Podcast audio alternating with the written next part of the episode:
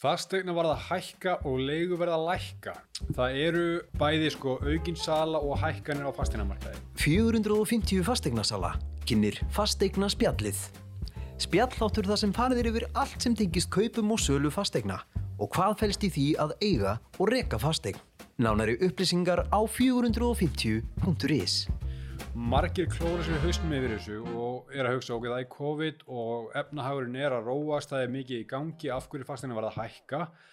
Það er auðvitað, má reykja þetta beint til í rauninni hagstaðri lána, lagri og lagri vaksta í öfuri röð. Lagri vaksta og hagstaðri lána. Og kaupsamningar hafa ekki verið fleiri síðan 2007.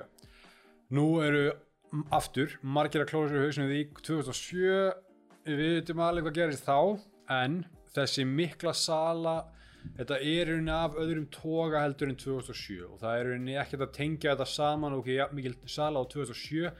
Sala hefur verið róleg og almennt nokkuð eðlileg uh, frá bara núna undarfærið, undarfærið 2-3 ár og núna eftir váer þá náttúrulega bara hægt og rólega svona byrja að týnast fleiri litlar eignir á sölu og meðal sölutími var langur, fór upp í 90 dag á tímabili, meðal sölutími eigna fór upp í 90 daga og hann er búinn að styttast núna töluvert.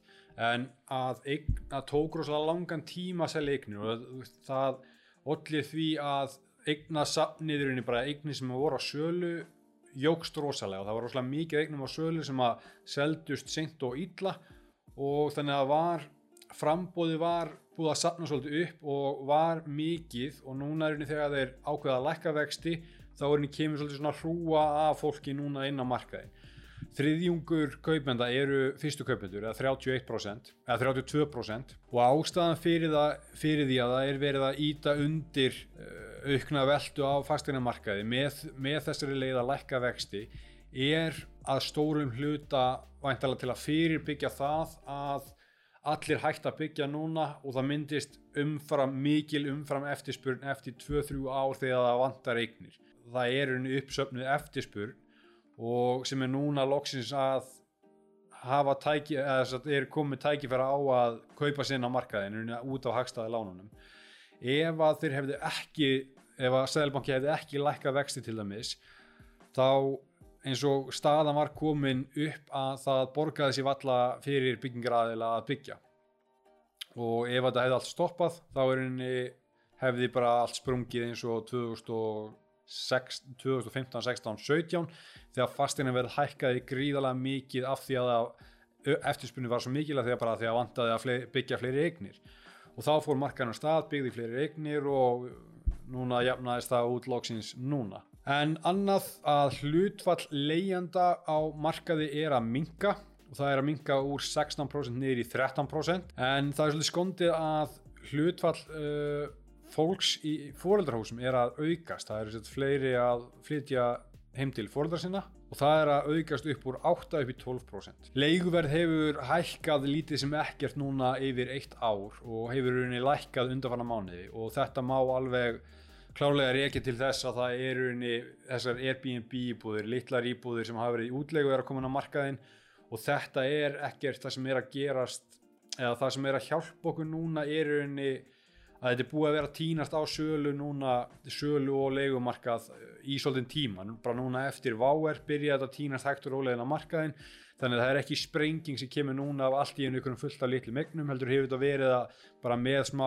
samdrætti í ferðarþjónustu yfir lengri tíma. Hefur þetta verið að týnast inn á leigumarkaði með tímanum og kemur núna hérna, ekstra mikið inn á og, og fólk er að fara núna af leigumarkaði og er að kaupa eignir. Þannig að þetta er unni bara eigur frambóðið af leigueignum sem er unni lækkar verðið eða það eru bara færir í legin. Nú aftur í hækkun fastegnaverðs þá hækkaði fastegnaverð á síðast árið að meðaltali um 2,2% það sem af er af árið núna 2020 er það 3,7% en ef við horfum á núna tímubili frá mæ þá er henni meðaltals hækkun 5%. En varðandi markaðin og COVID og þetta bara sem allir er að hugsa og reyna að reyna að spá fyrir um hvernig geti farið að nú eru, nú hefur verið samfellt í rauninni vakstar tímabil í nýju ár, rauninni frá hruni og, og það er margt sem að á eftir að koma til með að hafa áhrif á hvernig fastina verð og eftirspurn á eftir að vera núna næstu mánuði og ár.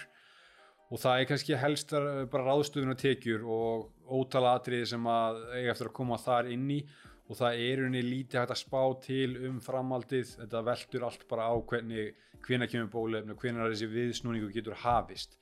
En það má ekki gleyma því heldur að unni, þetta ástand núna er af öðrum toga heldur en hrunni 2007 og, og viðsnúningu núna í, sem er reiknað með að verði næsta sumar það er spáð uh, viðsnúningu næsta sumar þá er henni á þetta geta rétt úr sér og jafnast út uh, til dæla fljótlega. En sérfræðingar spáð því að þetta er ekki eftir að hafa djúb langvarandi áhrif á markaðin Það er gert ráð fyrir því að landsframlænsla drægi saman um einhver 7%, 7% og atvinnuleysi eftir að ná 7,8% og þá aftur að þessu bara hvenar viðsnúningunum verður, hvernig, er henni, hvernig við náum að rétt úr þessu. Það er henni staðar ríkisjóðs er henni markvallt betri heldur en hún var í hruni.